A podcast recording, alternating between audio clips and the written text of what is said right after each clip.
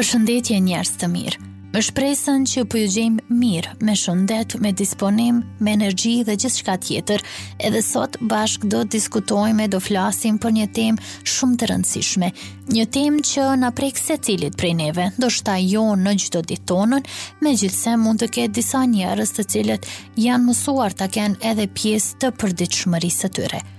Është kjo vetmia. Pse ndjehemi vetëm?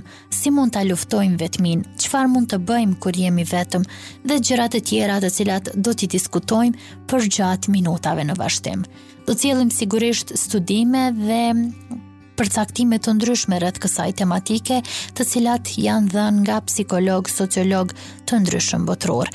Do e nisim me studime të thelluara nga filozofë, psikologë, sociologë e hulumtues të profileve të tjera, të cilët vënë në pah se vetmia dhe izolimi nuk janë çështje që çrrënjosen me prezencë në turmë. Thjesht të jesh i rrethuar me njerëz nuk e ndjek ndjenjën e vetmisë dhe të izolimit. Ata bëjnë të harrohet për një moment vetmia, por nuk e çrrënjos atë. Jetojmë në kohë të shpikjeve të përditshme të cilat të mundësojnë marrëdhënie ndërnjerëzore në të gjithë botën, pa luajtur aspak nga vendi, telefoni, celularët, interneti, tabletët dhe shumëçka tjetër. janë në prani dhe në shërbim të njeriut, kontakti me familje ose për çështje afariste profesionale, kudo që të jenë, është i lehtë dhe i përnjëhershëm. Aftësia për të kontaktuar kudo që të jemi, në fushë, në mal, në plazh, apo kudo tjetër, është privilegj i kohës dhe gjeneratës tonë, ngase kemi mundësi nga më të ndryshmet për të vendosur kontakte me njerëzit sot dhe distanca apo largësia nuk përbën aspak problem. Jemi dëshmitarë të një mundësie të jashtëzakonshme për lidhje humane. Njeriu i shekujve të kaluar nuk pati as përafërsisht këtë privilegj që ne kemi sot. Megjithatë, studime të ndryshme tregojnë se në shoqërinë bashkëkohore, numri i atyre që vuajnë nga vetmia është tejet i madh. E si mundet kjo që në këtë kohë kur të gjithë jemi të lidhur me telefone satelitë komunikues që lundrojnë mbi kokat tona, të krijojmë varfërim marrëdhëniesh. Që absurdi të jetë akoma më i prekshëm e për ilustrim duhet të përmenden edhe mundësitë më të ngrohta të kontaktimit, avionët, veturat dhe të gjitha mjetet e tjera që janë në qarkullim e që japin mundësinë njeriut dhe aftësinë të ndjejë dhe afërsinë fizike të atyre që dëshiron në momente të caktuara. Si pra arriti që vetmia të kalojë në një epidemi globale nëse mujmë me quajt kështu, një epidemi të ndjenjës, uh, duke qenë se begatia teknike që lehtëson aq shumë komunikimin, shndërrohet në një plogështi për afërsimi ata që janë gjeografikisht pranë. Në vendet më të zhvilluara industrialisht, kjo dukuri është më e përhapur se në vendet e tjera në vendet më të vogla. Studimet tregojnë se në Shtetet e Bashkuara të Amerikës, 60% e të rinjve nuk dinë emrin e fqiut. Ata as kanë përgjigje se ku mund në rast nevoje të lypin ndihmë fenomen ky i panjohur në shekujt e kaluar. Dhe ndalu e mendoni edhe ju tash ju që po e dëgjoni këtë mesazh. Mendoni sa prej fqinjve tuaj i njehni në hyrjen tuaj, në lagjen tuaj apo në fshatin tuaj apo kudo tjetër që banoni. Dhe e kuptoni nëse jeni edhe ju pjesë e kësaj epidemie, themi kështu, të kësaj kohe të këtij shekulli që po prek njerëzit. Vetmia është e ndarë në disa forma, në vetmi shoqërore, ku bëjnë pjesë format e relacionit, komunikimi, mediat dhe sindromi i vetmisë në shoqëri. Vetmia filozofike, shkëputja e marrëdhënieve, vetmia dhe vetmimi vetmia individuale dhe vetmia e turmës dhe vetmia e masave. Disa lloje këto të ndarjes së vetmisë teorikisht, mirëpo ne nuk do të ndalemi te këto, nuk do të hyjmë te këto terme teorike, por do të sjellim informacione të tjera. Një lloj tjetër i vetmisë të cilin shpesh e ndeshim e ndoshta e kemi edhe të pakuptueshme disa raste ta pranojmë është vetmia në famë. Shpesh dëgjojmë nga yjet e showbizit se ata janë vetëm, Por kjo është e vështirë të besohet kur një person ka famë dhe para, kur ka shumë njerëz që e duan, ka shumë njerëz që i rrinë gati dhe shumë njerëz që e rrethojnë dhe mjafton që ata të flasin, të bëjnë një kërkesë dhe ajo realizohet menjëherë. U përpoq ta ngrejë këtë problem Jack London, thotë në Martin Eden. Derisa protagonisti u bë i famshëm dhe u bë i pasur, askush nuk donte të komunikonte me të. Shumë nuk besuan në të e konsideruan heroin si dështim. Askush nuk e mbështeti atë në përpjekjet e tij krijuese. Edhe dashnori i heroit, Ruth, ia ktheu shpinën. Sidoqoftë, kur fama i erdhi Martinit dhe të gjithë filluan të flasin për të, ata menjëherë filluan ta ftojnë atë të merrte pjesë për t'i kushtuar vëmendje, edhe Ruth u përpoq t'i kthehej atij me një lutje për falje. Por Martin e kuptoi se kjo nuk do të thotë asgjë për të. Ai e dinte që nuk kishte ndryshuar që nga ajo kohë dhe vazhdoi të ndihej i vetmuar. Dhe bota përreth tij u bë e neveritshme. Një shembull ky më, që kishte për bazë dy personazhe të cilat mund t'i njihni pra nga Jack London në Martin Eden. Por ka dhe shumë e shumë raste të tjera kur njerëzit janë ata të cilët kanë para, kanë famë, kanë gjithë çfarë duan, kanë suksesin, mirëpo ndjehen të vetmuar. Çdo person, të paktën në një moment të jetës së tyre, është ndjerë i vetmuar, edhe mua më ndodh, edhe ty e di që të ndodh. Të gjithë ne jemi të ndryshëm.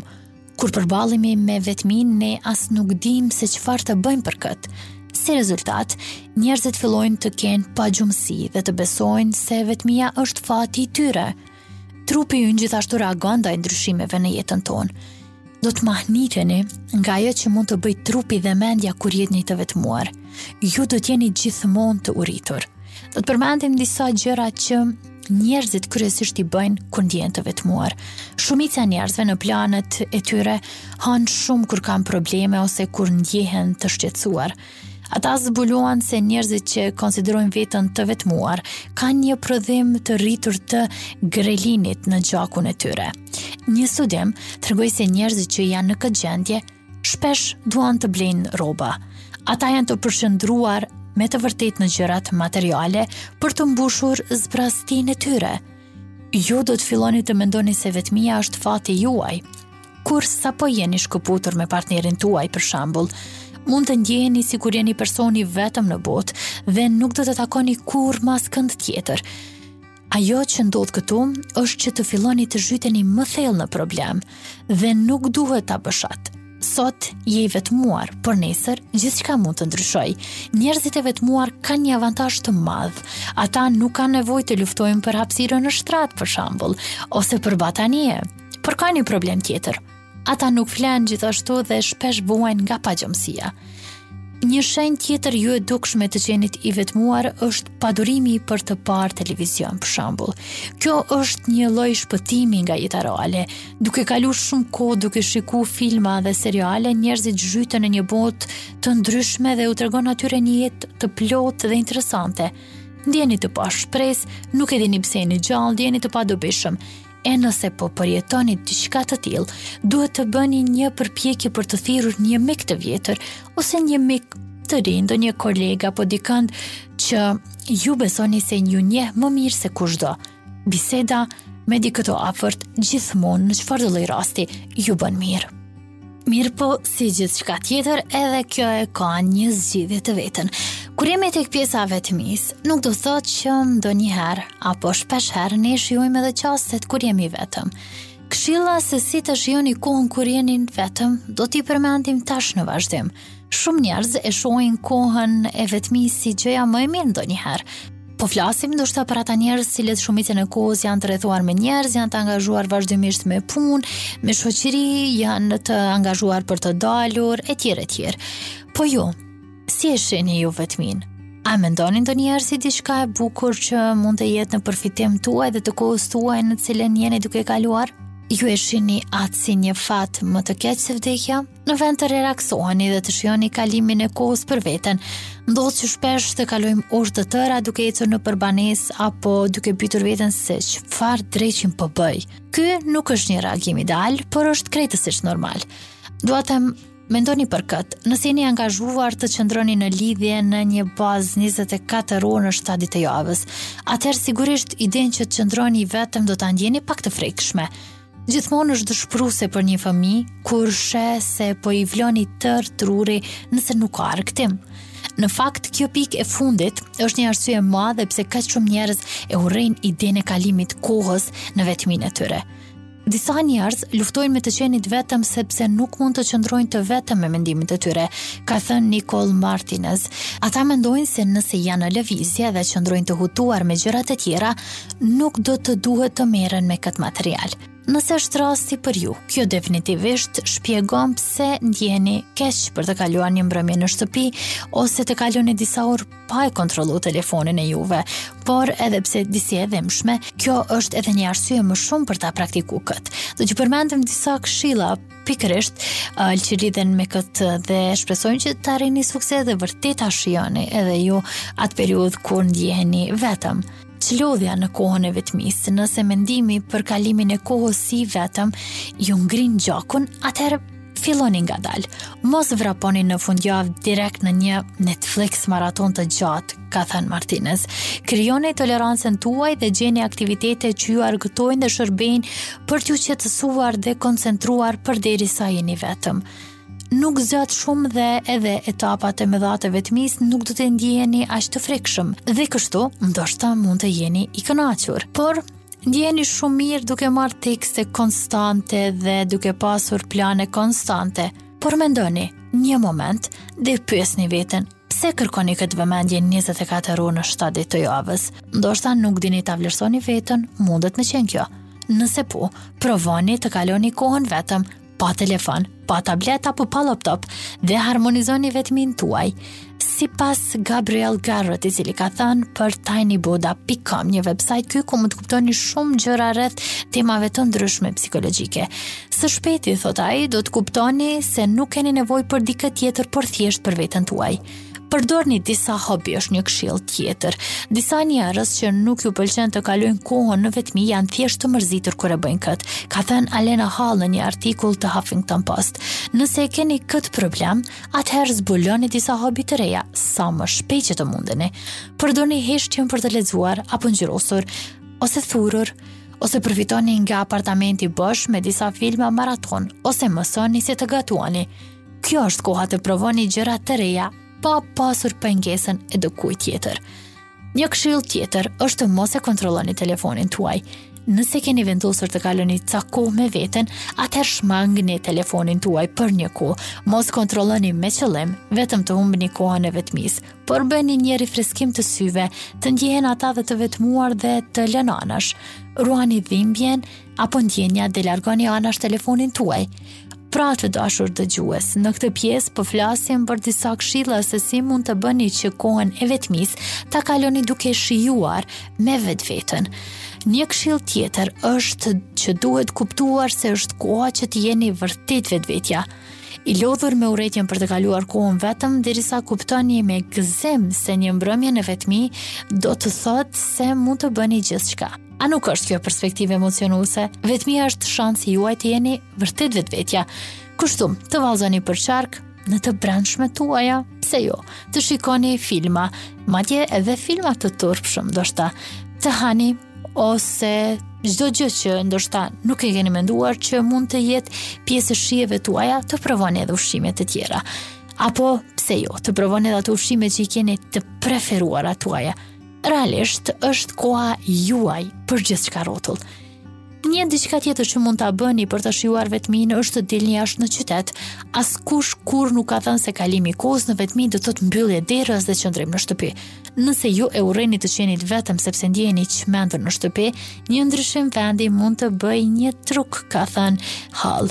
Shkoni të pini një kafe, ecni rreth qytetit ose lexoni në park. Kjo llogaritet gjithashtu si kohë vetmie, edhe pse ju teknikisht nuk jeni vetëm ngase jeni të rrethuar me njerëz të cilët po e ndani ambientin e përbashkët. Një këshillë tjetër është të përdorni kohën në avantazhin tuaj.